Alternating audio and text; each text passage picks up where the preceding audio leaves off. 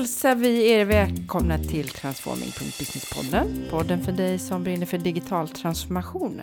Den här podden levereras av Bybrick Management och jag heter Jessica Laus och jag är sälj och marknadsansvarig på Bybrick Management. Det som inte alla lyssnare känner till är att vi på Bybrick Management faktiskt har fem eh, systerbolag och vi är faktiskt sex bolag i vår lilla koncern. Alla jobbar mer eller mindre i, i gränslandet mellan IT och verksamhet, men med lite olika inriktning. Och ett av bolagen, eh, Bybrick Interface, sitter i Västerås och jobbar mest därifrån och tillbringar stor del av dagarna med att hjälpa företag inom industrin och skapa digitala kundupplevelser för unik marknadsföring och effektiv säljprocess. Riktigt coola grejer verkligen. Och jag tänkte vi skulle prata lite mer eh, med dem om AR och VR. Och det är ingen mindre än Erik Stridell som eh, är här med mig idag. Välkommen Erik! Tack så mycket! Vad härligt att få gästa er podd. Ja, ja vad kul att du tycker, tycker det. Ja, ja vi är ju faktiskt eh, som syskon i, i bolagen här då. Ja. Eh, och det är premiär, vill jag minnas, att vi faktiskt har med en, en eh, från vår egen koncern. Vi brukar ofta ha externa gäster. Extra kul att mm. jag fick vara först då. Ja, verkligen. Ja. Du, jag har jättemycket frågor till dig eh, om både AR och VR och teknik som kommer och så. Men först vill jag veta, vem är du Erik? Ja, eh, jag eh, var med och grundade Bybrick eh, 2004, så vi är inne på 15 året nu då. Eh, och jobbar till vardags eh, i just ett av våra dotterbolag, då, Bybrick Interface, med affärsutveckling och en del försäljning. Då var du med och grundade själva moderbolaget, Bybrick Ja, precis. Mm. Eh, och det här som vi pysslar med på Interface är ju faktiskt en av de erbjudandena som vi har haft med från dag ett. Men som ja, efter några år blev ett eget bolag och sen har det gått eh, sin egen väg kan man säga, lite grann. Mm -hmm. Vad häftigt. Och, ja. och vad gör Bybrick Interface då? Ja, eh, som du sa, vi jobbar mycket med industriföretag. Eh, interface betyder ju gränssnitt eh, och mm. det som vi egentligen fokuserar på är att förädla gränssnittet mellan våra kunder och deras kunder. Eh, så det, det, handlar mycket om olika typer av digitala lösningar eh, just inom eh, sälj och marknadsföring. Men det kan även vara att vi hjälper dem att utveckla digitala tjänster eller gör någon form av, av lösning för, för utbilda kunder eller liknande. Då. Och nu sa jag att ni jobbar mest i Västerås. Det kanske inte stämmer. Ni har kontoret där, men jobbar ni? Ja, de flesta av våra anställda sitter i Västerås. Vi har mm. även några kollegor på vårt Stockholmskontor. Men kunderna har vi faktiskt över hela världen. Mm. Eh, allt från Kina till Kanada och så vidare. Så det är kul, men det är mycket också eftersom de här internationella eh, industriföretagen som vi har jobbat mycket med, eh, de är ju väldigt utspridda mm. över världen och det kan sitta ett, ett produktansvar till exempel någon helt annanstans än i Sverige. Mm. Så att vi har ätit oss in lite grann under årens lopp kan man säga. Och jag tycker att det är lite häftigt faktiskt att vi, vi både som koncern men ni som bolag är inte så stora ännu, men jobbar med riktigt stora företag. Ja, det är jätteroligt faktiskt. Stora välkända varumärken. Ja, jag tror också det, det handlar lite om modellen för hur vi jobbar. För vi, vi jobbar ju i, i projektform och vi jobbar in-house. Vi hyr inte ut konsulter som sitter ute hos bolagen och hjälper till i deras projekt, utan vi tar liksom helhetsansvar och har en ganska bred palett av kompetenser hos oss. Mm. Så vi kan göra liksom hela resan från egentligen ja, ta fram en, en strategi till att leverera och, och supporta efteråt. Så det, ja, det är jättekul. Superhäftigt. Ja, ni, ni är riktigt duktiga. Tack. Men nu till dagens tema. Du är inbjuden här för vi vill prata om AR och VR, augmented reality och virtual reality. Och jag yes. tror att det är många som har läst och man ser på nätet och folk går runt med de här eh, hjälmarna eller maskerna och så vidare. Men eh, det är också många som inte riktigt dels förstår skillnaden men heller hur, vad, vad kan tekniken möjliggöra? Mm. Så vi kan väl börja bara, vad är skillnaden på eh, AR och VR? Ja, eh, virtual reality är ju då en virtuell verklighet medan augmented reality är en förstärkt verklighet. Eh, och det är inte sagt att det blev så mycket tydligare av det. Blev det det? Eh, ja, kanske. Men man kan väl säga så här, båda är olika grenar inom, inom det område som ibland kallas för immersive technologies, alltså omslutande teknologier. Ehm, och det handlar ju om att man användaren ska befinna sig i, i helt omsluten av en, en, en, form av digitalt skal eller värld. Mm. Ehm, Virtual reality, då är du fullständigt omsluten, så att då befinner du dig helt och hållet eh, i en digital värld. Eh, jag brukar likna det vid att man befinner sig mitt i ett dataspel. Man kanske har spelat något, något när man liksom har ett sån här första persons vy över någonting och kan röra sig omkring i en värld. Så precis så är det, fast man placerar eh, användaren helt utan störande moment mitt mm. i den världen i en sån här VR-hjälm. Och det, ja, det, det, finns en massa fördelar med det förstås. Eh, augmented reality handlar ju mer om att eh, lägga digitala skal på den verkligheten vi faktiskt ser. Så att eh, det är ju alltifrån sådana här äh, filter som man kan se i Instagram eller Snapchat där man kan eh, få en rolig mössa eller en ja, fin mustasch. Man blir så söt med dem tycker jag. Eller, precis. Eller, hemsk. Men det handlar ju kanske ja. mer om att, att, kunna hjälpa människor som, med olika liksom, arbetsuppgifter eller saker genom att förstärka verkligheten med digitala saker. Mm. Och de här tillsammans eh, blir ju till slut mixed reality som det också pratas mycket om. Och det är väl egentligen någonstans skärpunkten däremellan, där du befinner dig i den riktiga världen, men där det finns digitala saker att interagera med. Mm. Um, så att, um, ja, det finns några olika grenar som sagt, men det är väl den, den, den grundläggande skillnaden att, att virtual reality så befinner du dig i en helt digital värld, augmented reality är ett digitalt skal på den världen som vi befinner oss i nu. Mm. Mm, men det, var, det blev ändå tydligare tycker jag. Ja, vad bra. Absolut. Ja, men absolut. Och då tänker jag när vi tar exempel så pratar vi mycket om VR kopplat till dataspel. Och det är lite den bilden jag har framför mig. Hur man mm. går i någon slags djungel och tror att man är en elefant eller elefanter runt omkring. Ja. Men hur kan man omsätta det i affärsvärlden? Och med det menar jag att man har det kanske business to business framför allt. Mm. För det är väl så gissar jag som ni jobbar mycket. Eller även mot konsument kanske. Men att man faktiskt har det i i sitt arbete och inte bara för att roa sig. Ja, absolut. Nej, för oss så blev det väl egentligen så att det här med interaktiva 3D-miljöer för att visualisera olika saker, det är någonting som vi har hållit på med hela tiden. Mm. Eh, egentligen sedan starten. Så att eh, när liksom de här nya eh, möjligheterna med ny hårdvara kom att, att göra häftiga VR och AR-lösningar så föll det ganska naturligt för oss att vi skulle satsa på det också. Och det stora mervärdet tycker väl jag för, för eh, att göra någonting i VR jämfört med att göra det på riktigt, det är förstås en massa kostnadsbesparingar. Eh, du kan ju eh, göra saker, alltså träna på saker som är direkt farliga i en virtuell miljö och du gör det fullständigt ofarligt. Ehm, eller så kan du spara pengar på att ehm, till exempel ha en, en maskin som som ehm, är väldigt dyr att transportera och, och liksom är omöjlig att köra utbildning på. Fullt funktionell i en virtuell mm. miljö. Just det, du flyttar människan eller maskinen till människan istället för ja. människan till maskinen. Mm. Mm. Så, så utbildning och visualisering av olika slag, ja, visa på saker som är svåra att visa i verkligheten också. Du kan ju ganska enkelt göra en en, en produkt eh, helt transparent och visa olika typer av flöden som inte ett vanligt eh, mänskligt öga kan se, som elektricitet eller gas eller så. Um, och visa olika typer av processer och så. Mm. Egentligen precis samma saker som man gör i en, ja, en 3D-animation, fast man mm. gör det, kan göra det både interaktivt och eh, ja, betydligt mera verkligt om man säger så. Så dels att egentligen effektivisera och på något sätt möjliggöra sånt som inte riktigt är möjligt, men också att lägga ett nytt lager på och se sånt som inte heller går att se. Ja, det är ofta så vi använt det inom, ja. uh, i alla fall inom försäljning och, och marknadsföring. Um, att det handlar om att uh, kunna visa upp saker som är, som är svåra att visa upp på andra sätt. Har du något uh, bra exempel? Och jag tänker just det här med att maskiner som inte finns? Eller? Ja, men eh, ett, ett exempel som är, som är typiskt för de grejerna som vi gör, som kanske lutar mer åt simuleringshållet, fast som används för marknadsföring, det var krantillverkaren Hiab som lanserade ett helt nytt sätt att styra sina, sina skogskranar. Mm -hmm. och, det här var ju någonting som ja, mer eller mindre var, fanns kvar på rd avdelningen när de började och prata om det här inom marknadsföring med hjälp av en då simulator i virtual reality som vi hade byggt åt dem.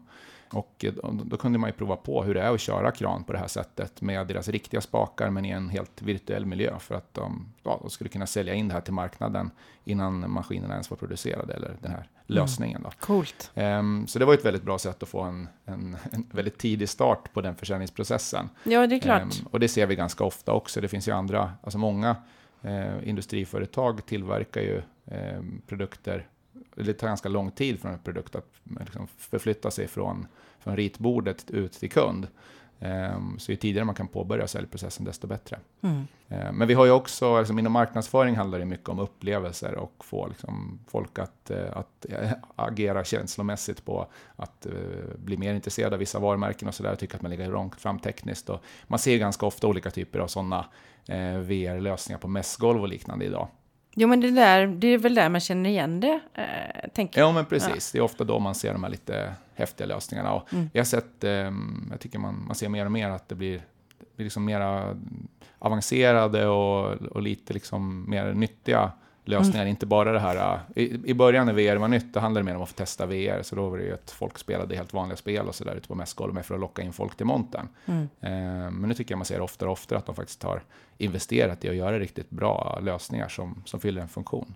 Vi hade ju faktiskt i somras när vi var på Almedalen ihop så hade ni ju med de här VR-glasögonen. Ja. Jag vet inte vad det var i för jag testade inte men de som hade på sig glasögonen stod ju och såg ut som de skulle falla. De stod och viftade med armarna. Och... Ja, ja, precis. Ja, det kan nog ha varit en, en, en del av en marknadsföringskampanj vi gjorde till ABB. För de, de hade en, en produkt som heter mjukstartare som handlar om hur man ja, startar motorer på ett skonsamt sätt. Då. Och vi vill visualisera det på ett, på ett sätt som eh, folk skulle komma ihåg. Mm -hmm. Så vi, eh, vi modellerade upp en hiss, en ganska känd hiss i Västerås som många åkt. Eh, och sen så fick användarna prova hur det är att åka hiss. Först med mjukstartare, lite fint, en våning och sen utan mjukstartare, upp i luften, ut genom taket. Det var därför de viftade, förstår jag ju nu då. ja, är ofta använder jag den där just, eh, just för folk som inte har testat virtual reality tidigare eller kanske provat någon lite enklare modell, sån här man stoppar in en mobiltelefon i något slags skal. Um, för när man har en riktig sån lite mer påkostad VR-utrustning så talar det till fler sinnen och det är ju eh, ganska Ehm, ja, folk blir ofta väldigt eh, överraskade över hur pass, pass mycket ja, hur, hur verkligt. verkligt det känns. Mm. Mm. Men det, om man tittar på den här tekniken så vill jag minnas att den har ju funnits länge. Hade vi inte sådana här glasögon på oss redan någon gång på 90-talet? Jo, det har nog gått i, lite i cykler, ja. ungefär var tionde år. Sedan, sedan 60-talet egentligen har man, har man sett mycket experiment som gjordes av, eh, av NASA med olika typer av pilotutbildningar och saker. Det handlar mycket om att träna reaktioner och så. Ehm, och det är även då man började prata om det här att kunna liksom befinna sig i en, i en virtuell värld och göra virtuell träning ehm, på olika saker. Ehm, sen har det väl kommit och gått lite. Det var ganska stort på 90-talet en sväng också. Mm, det är nog det jag minns. Ja, eh, då fanns det också många, många sådana här virtual reality-företag. Tyvärr var väl inte riktigt hårdvaran i kapp på den tiden för att man skulle kunna få det här jättestora affärsvärdet av det. Så att det rann väl ut i sanden lite grann. Jag tror den, den stora skillnaden den här gången är egentligen att vi har haft en sån fantastisk eh, teknikutveckling med våra smartphones som har möjliggjort att vi har eh, jättebra eh, tunna displayer med hög upplösning och massa sensorer som kan avgöra vilket håll vi tittar åt och sådär till en ganska rimlig kostnad. Så nu går det ju att ta fram ja, ganska bra sådana här virtual reality headsets till, till helt rimliga pengar. Eh, och samtidigt har datorkraften förstås med Moores law exploderat så att det går att få in riktigt bra grafik. Mm. Um, och då, gör, då är det ju liksom mer uh, görbart att göra saker som, som du faktiskt har nytta av. Då, nu har jag så många frågor som bubblar i huvudet, ja. men en dem är hur fungerar tekniken? För det, man har ju ändå de här glasögonen på sig och det, det finns väl ett visst utrymme i dem. Och hur kopplar de upp sig? Och hur kan man uppdatera vad man ska se? Hur byggs det? Ja, det är som vanligt med sådana här buzzwords, att det finns ju mm. massa olika grenar och, och, tolkningar och man, man kan tro att man, man vet precis eh, att man pratar om samma sak, men det kanske är två helt olika saker. Eh, till att börja med inom VR så finns det egentligen två olika saker. Eh, dels VR-film som ju man kan spela in med en 360-kamera och många har sett på Facebook att man kan liksom titta sig omkring i en miljö. Eh, nackdelen med den är att den blir relativt statisk. Det är en, en, eh, en det, film som, som följer liksom... 360 ja. grader. Ja, men alltså, precis. Man ja, befinner sig mm. mitt i filmen och det har ju mm. ett värde i sig. Um, det vi jobbar mest med det är ju interaktiva 3D-miljöer där du placerar användaren och då kan du ju faktiskt få precis vad som helst att hända. Um, och ja, programmera i 3D-miljön så att uh, du kan göra olika saker eller styra en maskin eller ja, göra egentligen precis vad du skulle vilja kunna göra i, ett, uh, i vilken, vilket dataspel som helst. Och det är ofta det är dataspel, som man säger, sådana utvecklingstekniker och sånt som man använder även för att bygga sådana här saker. Eh, sen hårdvaran i sig, den är ju, eh, det är ganska samma, liksom, samma grejer i stort. Den stora skillnaden är väl de här lite enklare glasögonen eh, är ju ofta fristående, du behöver inte ha någon dator kopplad till dem. Och eh, nackdelen med dem är att de, de allra flesta har bara det som man brukar kalla för tre graders rörelsefrihet. Det vill säga den kan mm. titta åt, den, den har koll på vilket håll du tittar åt. Mm. Eh, genom gyrot i en mobiltelefon till exempel. Då. Ehm, men däremot så kan den inte avgöra din position i ett rum eller om du eh, eller ta hänsyn till din längd och så. Om du böjer eller tittar runt ett hörn eller så, så kommer den inte förstå det. Nej, det blir inte så verkligt. Nej. Nej. Eh, så de här um, lite häftigare headsets som finns, de, de har ju um, en annan typ av, av sensor som känner av även var hjälmen befinner sig i förhållande till sensorn. Som då gör att du kan röra dig omkring i en yta till exempel. Och gå in i väggen. Ja, precis. man får ju mäta upp det där så att man inte springer in i saker. Men det finns ju alltså, såna här ställen där man kan, där man kan spela olika typer av såna här lasertag-liknande historier med eh, VR-hjälm på. Jag tänker eh. rollspel. Ja, ja precis. Ja, det är ja. nästa steg kanske. Mm. Och ja, det finns ju, finns ju en massa sådana eh, lösningar redan idag där man befinner sig i någon virtuell VR-värld och interagerar med andra personer i den här VR-världen. Ehm, och det tror jag är någonting som kommer att bli ganska stort när vi väl kommer så långt så att många har sådana här grejer hemma. Just det, man är en annan person mm, precis. i en helt annan värld med andra. Ja, men jag tänker om man jämför till exempel med det här World of Warcraft ja. som blev väldigt stort, eh, som var ett vanligt datorspel som du körde på en skärm. Så att befinna sig i den världen eh, är ju självklart eh, ännu mer intressant gissar jag. Ja, såklart. Jag är ingen stor World of Warcraft-spelare själv, men Nej, jag har inte heller gjort det. Och jag tänker att det är nog lätt att fastna i en sån värld när man ja, väl börjar. Det kan det nog vara. Man är vacker och framgångsrik. Och... Ja, precis. Ja. Det här är ju fördelen med VR. Du kan ju vara mm. precis vem du vill. Ja. Um, och i förlängningen så kommer man säkert vilja vara det också. Ja, det är möjligt. Jag. jag tänker ju att du kan ju resa iväg också med den där. Ja, vi jobbar med en kommun och de berättade att de hade gjort ett experiment för pensionärer. Där ja. de hade satt på pensionärerna eh, de här VR-glasögonen och så hade de väl haft hörlurar med lite vågskvalp. Och sen så satte de fötterna i sand. Sen huruvida de fick paraplydrink, det vet jag inte. Men de, de fick liksom en upplevelse verkligen för att läka ihop i själen och, och mm. resa när de inte kunde resa. Det är ju jätte, det är jättehäftigt. Ja. Det finns eh, en massa sådana här ah, mindfulness-appar och liknande som visar häftiga mönster och spelar musik och så här som ska få dig att slappna av. Och den typen av, av lösningar har jag sett också. Eh, men sen som sagt att resa till en annan plats, det kanske är mycket sån 360-film då eh, som man befinner sig i och liksom sitter i lugn och ro på en helt annan plats i världen. Mm. Men det kan säkert ersätta en del upplevelseresande framöver. Nej, jag tänker också upplevelser för att, för att vi vill uppleva saker, men också kanske i, i forskningen visar att man får bättre minne om man tittar tillbaka till där jag var uppvuxen och ja, så vidare. Ja, att, det kan, ja. att det kan vara hjälp. Ja, det har ju använts också inom demensvården, just mm. att, um, att eh, man har provat att få dementa eh, äldre och få besöka sina barndomsgator till exempel. Och det ska till en kunna ha viss effekt. Då. Mm. Men överhuvudtaget inom vården så har man ju börjat använda VR ganska mycket och det finns många rapporter som har olika exempel på det här. Ehm, det finns ju ett, ett företag här i Stockholm till exempel som har tagit fram en, en, en KBT lösning för att man ska träna på ja, folk som har spindelfobi ska kunna få närma sig mm, eh, det här med spindlar. Från en liksom lite kul eh, sån eh, ja, leksaksspindel liknande mer eller mindre till att den blir mer och mer verklig. Då. Eh, och till slut så ja, har man liksom vant in sig ganska snabbt. Det finns ju liknande exempel för sådana som har eh, fobi mot att flyga och andra sådana saker. Jag ser hur jag hamnar i en värld av ormar, jag är livrädd. Ja, den har jag inte sett än. Men Nej, det, finns det är också. inte så trevligt. Ja.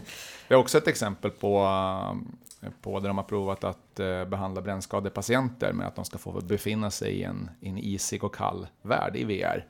Eh, och det har tydligen också visat sig faktiskt ha effekt på att de behövde mindre smärtlindring när de gjorde den typen ja, av lösningar. Lite placeboeffekt alltså? Ja, men kanske det. Men det är det som är så häftigt med VR eftersom det talar ju till, till många olika sinnen samtidigt. Ja. Du, har ju, du är ju helt insluten dina synintryck och du har ju då ett, en, det projiceras en bild per öga så du har ju ett, ett 3D-seende eller stereoskopiskt eh, seende då. Vilket gör att du får ett djup och får en annan närvarokänsla. Eh, och framförallt om du har en sån här lite, lite mer avancerad eh, VR-hårdvara eh, som gör att du kan ja, röra dig lite grann så får du också en känsla av att faktiskt vara på plats eftersom den värld du tittar på svarar med dina egna rörelser. Och lägg sen till då eh, kanske 3D-ljud i hörlurar och så vidare, mm. eller om det finns inbyggt i headsetet. Så det, det, det, går väldigt fort faktiskt att man, man, man känner att man är på plats. Och det många brukar säga när man visar VR för dem och pratar samtidigt är att ja, det konstigaste det var ju att jag hörde er liksom, under tiden, mm. ni som mm. stod här runt omkring. Det, det kändes konstigare än att befinna sig i, i den här VR-världen.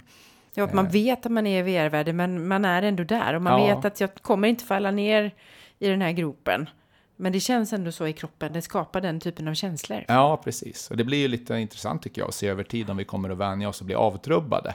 Och liksom inte, att inte sinnena kommer köpa de här, den här grejen som, som funkar nu, eller om det bara Nej. blir så att man, man, eh, Om man kanske suddar ut skillnaden mellan den verkliga och den virtuella världen. Om vi kan hålla isär att jag kan inte hoppa från taket och överleva Ja, precis. eh, i verkligheten. Ja, det får vi Eller- hoppas att vi lyckas sortera i de intrycken i alla fall. Gud, ja, men då känns det som att vi har koll på VR i stora drag i alla fall. Precis. Det var VR. Ska vi ta AR då? Ja, Eh, augmented reality. augmented reality.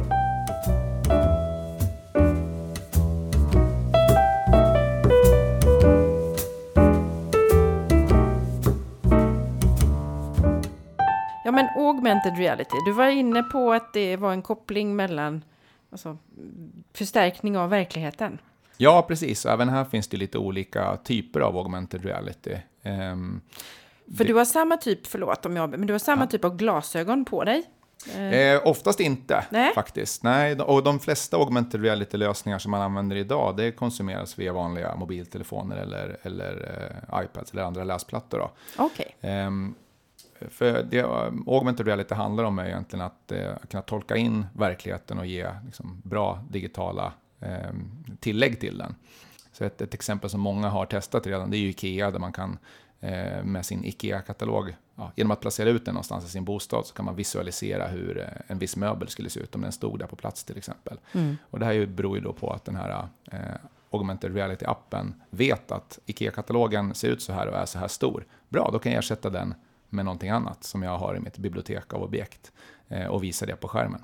Det är ju jättebra, så Ehm. slipper du släpa hem den här soffan för att inse att den ser ut som en stor hög här. Ja, hur? precis. Ja, det Ja. funkar relativt bra faktiskt. Mm. Och de blir bättre och bättre hela tiden, de här lösningarna också. Ehm, så det är ju liksom den enklaste formen, eh, kan man väl säga, om hur man, hur man konsumerar augmented reality. Sen finns det ju olika typer av såna här eh, glasögon även här då. Um, allt ifrån sådana som är mer kanske eh, till för att använda i produktionsmiljöer och liknande, där det inte handlar om egentligen att förstärka verkligheten, men däremot att ge digitala stöd i till exempel en plocklista eller en instruktion som dyker upp i ögonvrån. Ah. När du står vid, eh, vid en produktions, eh, ja, någonstans i en produktionslina eller på en, på en station någonstans. Ehm, Så det är ett exempel. Eh, Det andra är ju de som faktiskt försöker att, att plocka in, eh, att, att göra olika typer av digitala korrigeringar om man säger så, av verkligheten. Eller eh, att lägga på digitala lösningar eh, på det du tittar på. Eh, Där har vi till exempel Microsofts eh, HoloLens då, Just det. som, eh, där du har en, en viss del av ditt synfält som, där du kan introducera ja, vad du vill i form av grafik egentligen. Det var nog den jag tänkte på när jag pratade om glasögon. För det är väl någon form av glasöga du har på dig? Ja, precis. Det är ju, det är ju en, em, en, en skärm som du kan se igenom, som, eh, där, där en viss del av skärmen eh, fortfarande är lite för liten för att det ska vara riktigt användbart, tycker jag. Okej. Men, Men eh, den, där du då kan visa upp digitala saker. de kommer med nästa version nu. va? Är den, kommer den vara förbättrad tror du? Ja, den kommer vara bättre på många sätt. Den är väl förhoppningsvis åtminstone så bra som de sa att den första var. Men eh, ja, det finns ju många, alltså det finns ju lite hinder från att använda sådana här saker eftersom de är lite bökiga och så- ha på sig under en längre period och sådär. Ehm, det kanske inte är så många som går omkring på stan med dem än så länge, men vi kommer ju absolut att, att hamna där. Ehm, även om det kanske tar lite längre tid än vad många hoppades. Då. Men om vi pratar om HoloLens, för det är ju också någonting som man läser om och framförallt mycket annonser och så, Mm. HoloLens. Vad, hur fungerar den i praktiken och vad, vad, vad är din rekommendation? Varför ska man ha den? Ja, den är ju, eh, jag skulle vilja säga fortfarande den, den kanske mest användbara augmented reality-hårdvaran som finns. Mm. Och jag, som sagt, nu när nästa version kommer, kommer den förmodligen vara ännu mer användbar. Det finns jättemånga exempel på hur man har gjort häftiga saker med HoloLens eh, inom till exempel eh, service eller konstruktion eller liknande, där man då kan visualisera saker eh, i verkligheten utan att de faktiskt finns där på riktigt. Mhm. Allt ifrån att visa ett objekt, hur, hur det ska placeras eh, i ett rum eller ehm, ja, på ett bygge till exempel, var sitter reglerna någonstans? Ehm, den typen av saker. Eller visa en instruktionsfilm direkt på ett objekt. Peka på den här eh, kåpan som ska skruvas bort till exempel. Ehm, direkt när man tittar på den. Ehm, och det där är förstås väldigt användbart på Ja, många då sätt. kan man jobba och filma. Behöver man inte vara där för att Då kan man instruera någon annan? Ja, det är precis. Det är en annan möjlighet just med HoloLens. Att den, har ju, eh, en, eh, den kan ju strömma det som, det som man ser genom, genom eh, den videokameran som sitter Eh, på framsidan till någon som sitter någon helt annanstans som i sin tur kan eh, rita, om man ser på bilden som du ser. Så att det är ett väldigt bra eh, fjärrassistanshjälpmedel, även om det kräver att du har liksom wifi och sådana saker på plats. Ehm, och det finns ju andra sådana lösningar också. Men ja, lite nackdelen med HoloLens, det finns lite ett förväntningsglapp mellan vad man faktiskt ehm, får uppleva när man har den på sig och vad man ser på olika typer av sådana här häftiga demofilmer på, på de grupperna på Facebook mm. eller LinkedIn som, som handlar om den här tekniken. Men så många så, gånger med ny teknik är det ju så. Så är det, absolut. Mm. Så att, ja, samtidigt så är det ju, jag tror alla som har provat är väl ganska överens om att det här är någonting som man förstår att det här kommer bli väldigt, väldigt användbart. Mm. Eh, och det har varit ganska tydligt från första början också att det är ju, vi är tidigt ute liksom i, i den här utvecklingen. Du har ju förklarat det kanske, men vi kan förtydliga det ändå. När ska man välja AR och när ska man välja VR? Ja, jag tänker att eh, ska du visualisera någonting eh, och få eh, användarna känna sig som att de var där, Eh, och det är ju typiskt då inom till exempel utbildning eller om man vill ge dem någon form av upplevelse eller visa någonting där de ska befinna sig på någon annan plats. Då är det ju VR som är absolut starkast då. Mm. AR är ju mm, fortfarande som sagt lite under, under utveckling eh, för att vi ska komma så långt som vi kanske vill. Men eh, där handlar det mer om att visa någonting som du har nytta av, ett digitalt skal på, ett, eh, på en, i en miljö eller på ett objekt som finns idag. Eh, och jag tror att många av sådana här um, så enklare appar som man använder idag, som till exempel Google Maps, man ska hitta någonstans. Ja, eh, då tittar man på en karta och mm. så tittar man vilket håll man är på väg åt och, och så får man liksom en, eh, en liten linje vart man ska gå. Det är mycket roligare att visa i den verkliga världen. Rita den där linjen på gatan. Ja. Eh, gör en pil som pekar bakom gathörnet. Liksom, eller någon som går framför. Ja, precis. um, och jag tror att den, uh, sådana grejer kommer man ju kunna se väldigt mycket av tror jag, eh, längre fram. Jag såg någon eh, Angry Bird eh, sån eh, AR där man kunde skjuta bollar på katten Precis. eller frun eller... Det där är, är ganska kul, nytt. Ja, det är ett kul sätt att använda augmented reality eh, och faktiskt placera ut sådana digitala objekt eh, i den verkliga världen. Eh, det är lite nyhetens behag kanske, än ja. så länge. Då. Men det är väldigt roligt, jag fick faktiskt chansen att prova den med en annan sån här äh, AR-lösning äh, som heter Magic Leap i, i höstas. Mm. De, de, äh, de gjorde just Angry Birds för den. Då.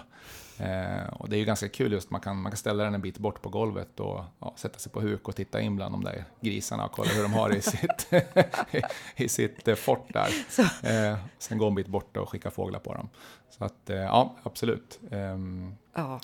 Ja, men det är nog lite som, eh, vad heter det man jagar, eh, Pokémon. Ja, det blir precis. en supertrend och så ja. är det jätteroligt, men så tröttnar man. Mm. Och, men just tekniken är ju ändå, den är ju fascinerande att du kan kombinera det här. Ja. Eh, ja vi befinner oss fortfarande det? lite grann eh, att man ibland så upplever att många väljer att använda AR fast det egentligen är ganska onödigt. Um, mm. Men um, mest för att man kan. Ja. Um, och menar, Pokémon Go är ett jättebra exempel på det tycker jag. Där, det var ju den första riktiga AR-appen som slog igenom och som gjorde att uh, augmented reality blev liksom ett begrepp som många kände till.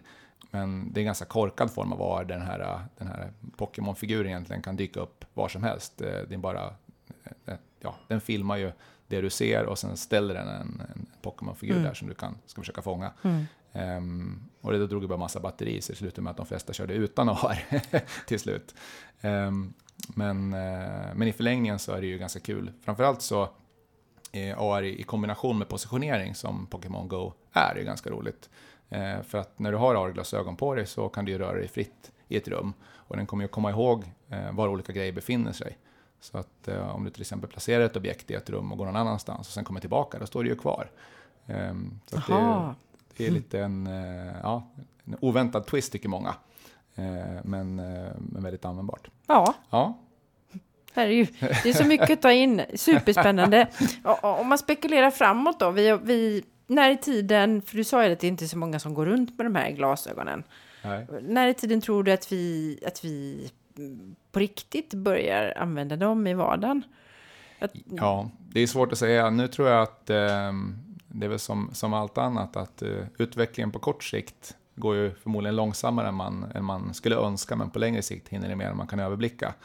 Um, så att på, på kanske tio års sikt så kommer det nog ha hänt väldigt mycket med de här hårdvarorna. Tio år är ju väldigt lång tid. Det är extremt lång tid. Mm. Samtidigt så ser jag väl med, med, de, liksom, med de lösningar som finns idag och de som fanns för några år sedan så har det inte hänt så jättemycket. Nu börjar de liksom bli så pass bra som man trodde de skulle vara. Mm.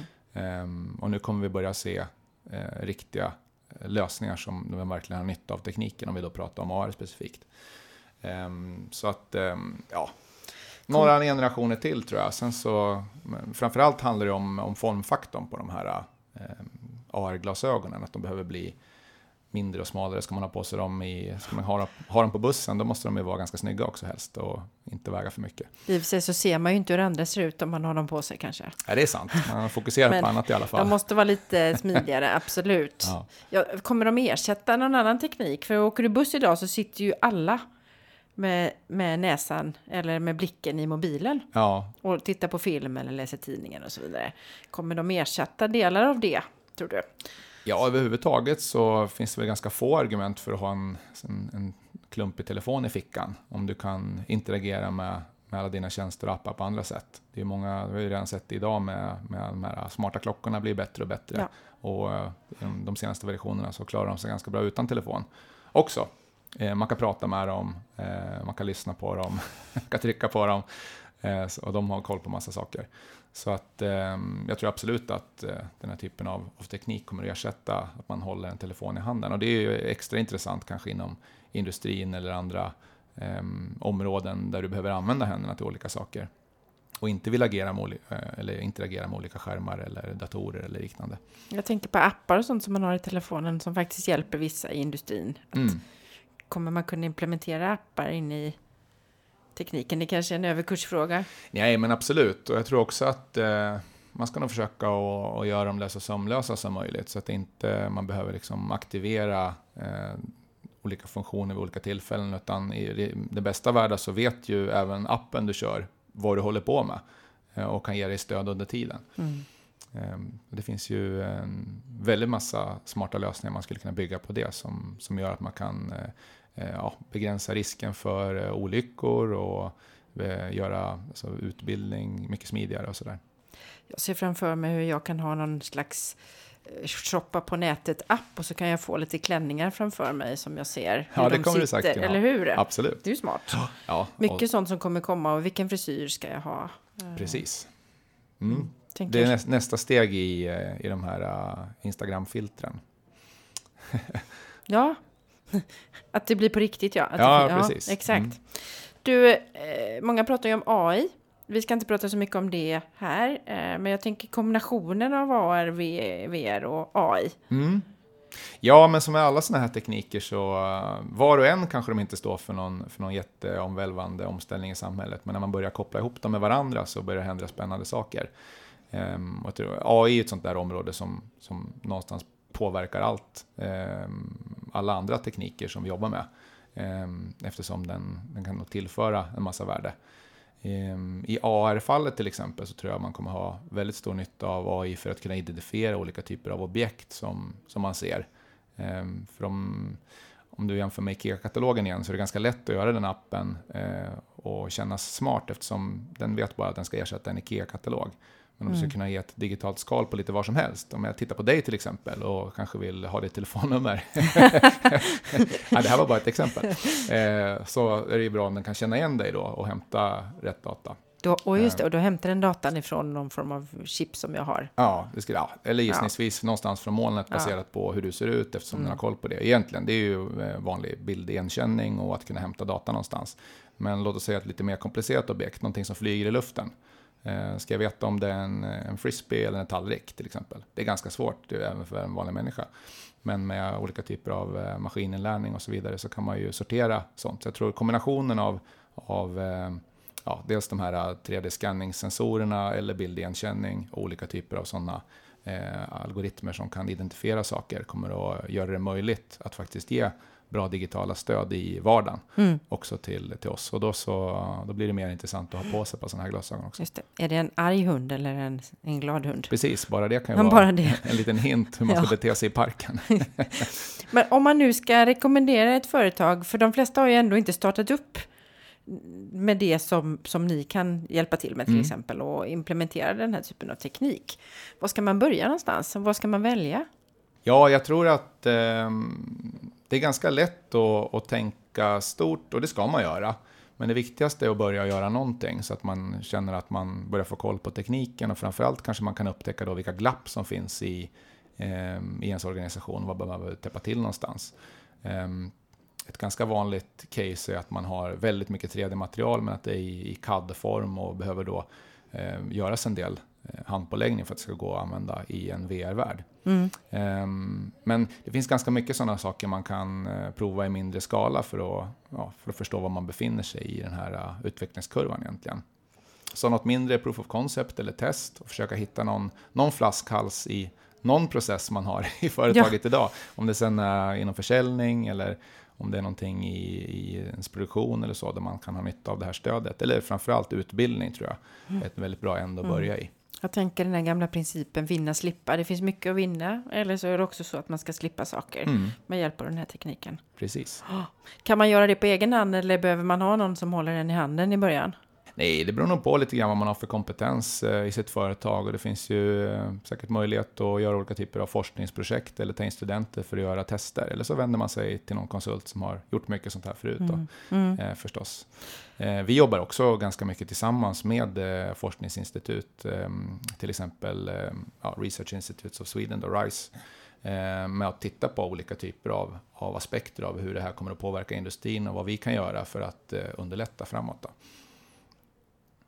Det är ju faktiskt väldigt bra. Ja, Och om man då skulle vilja ha hjälp av er, eftersom du sitter här så ställer jag frågan om Ja, man nu skulle vilja ha man hjälp, man sig. vill börja. Vad, hur, hur når man dig då?